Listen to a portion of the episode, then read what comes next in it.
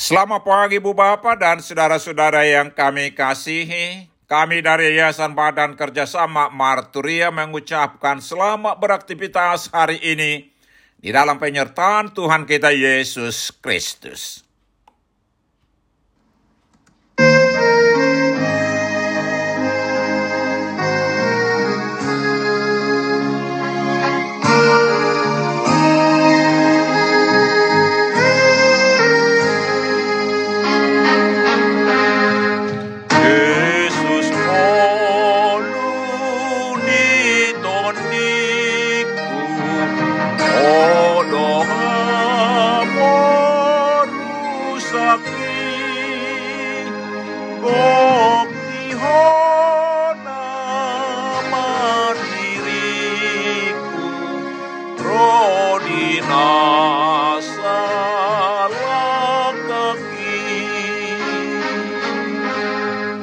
Am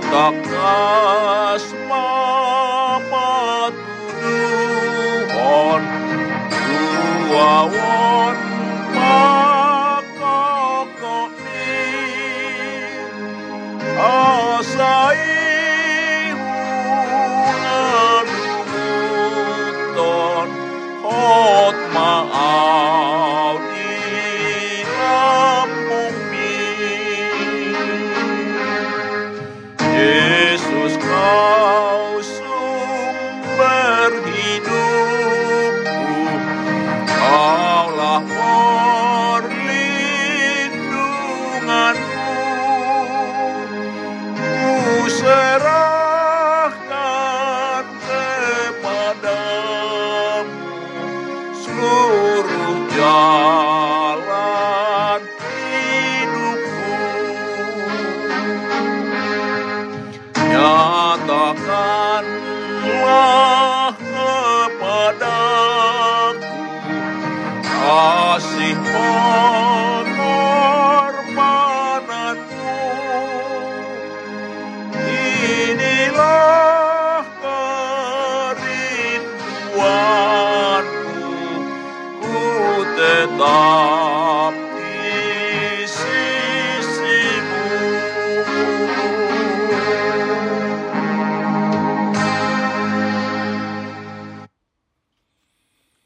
Mari kita berdoa.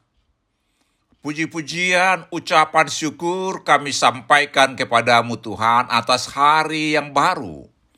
Atas kehidupan sehari-hari dan atas kehidupan kekal yang Tuhan telah anugerahkan kepada kami di dalam Yesus Kristus.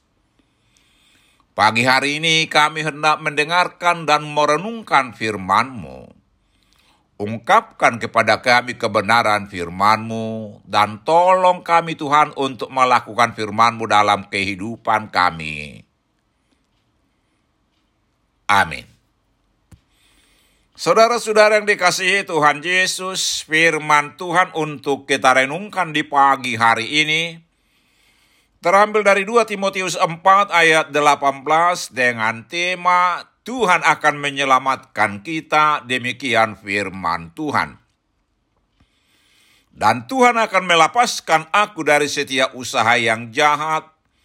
Dia akan menyelamatkan aku sehingga aku masuk ke dalam kerajaannya di sorga. Baginya lah kemuliaan selama-lamanya. Amin. Saudara-saudara yang dikasihi Tuhan Yesus, topik renungan di minggu ketujuh setelah Trinitatis ini ialah hikmat yang dari atas.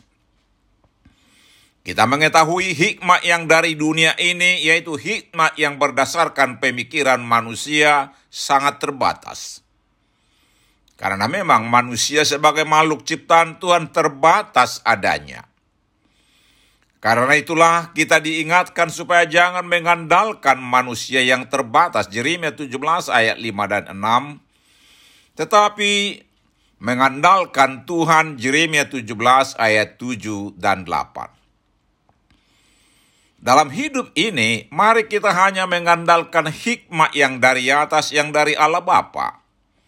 Yesus Kristuslah yang oleh Allah telah menjadi hikmat bagi kita.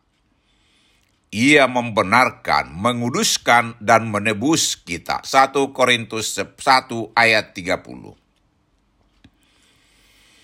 Ayat renungan hari ini terambil dari perikop dengan judul pesan terakhir. Paulus menyadari bahwa pelayanannya sudah sampai batas seperti dikatakan di ayat 6.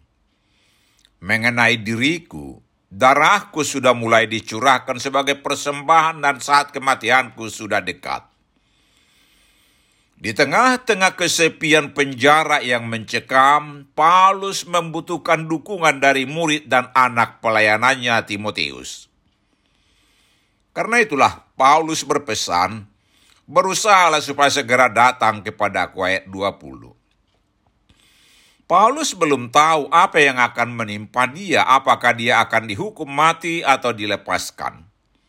Tetapi Paulus percaya Tuhan akan menolongnya seperti disebutkan di ayat hari ini.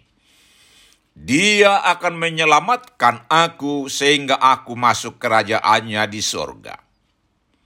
Tujuan akhir setiap orang percaya ialah masuk ke dalam kerajaan sorga, diam bersama Yesus Kristus di rumah Bapa di surga. Yohanes 14 ayat 3.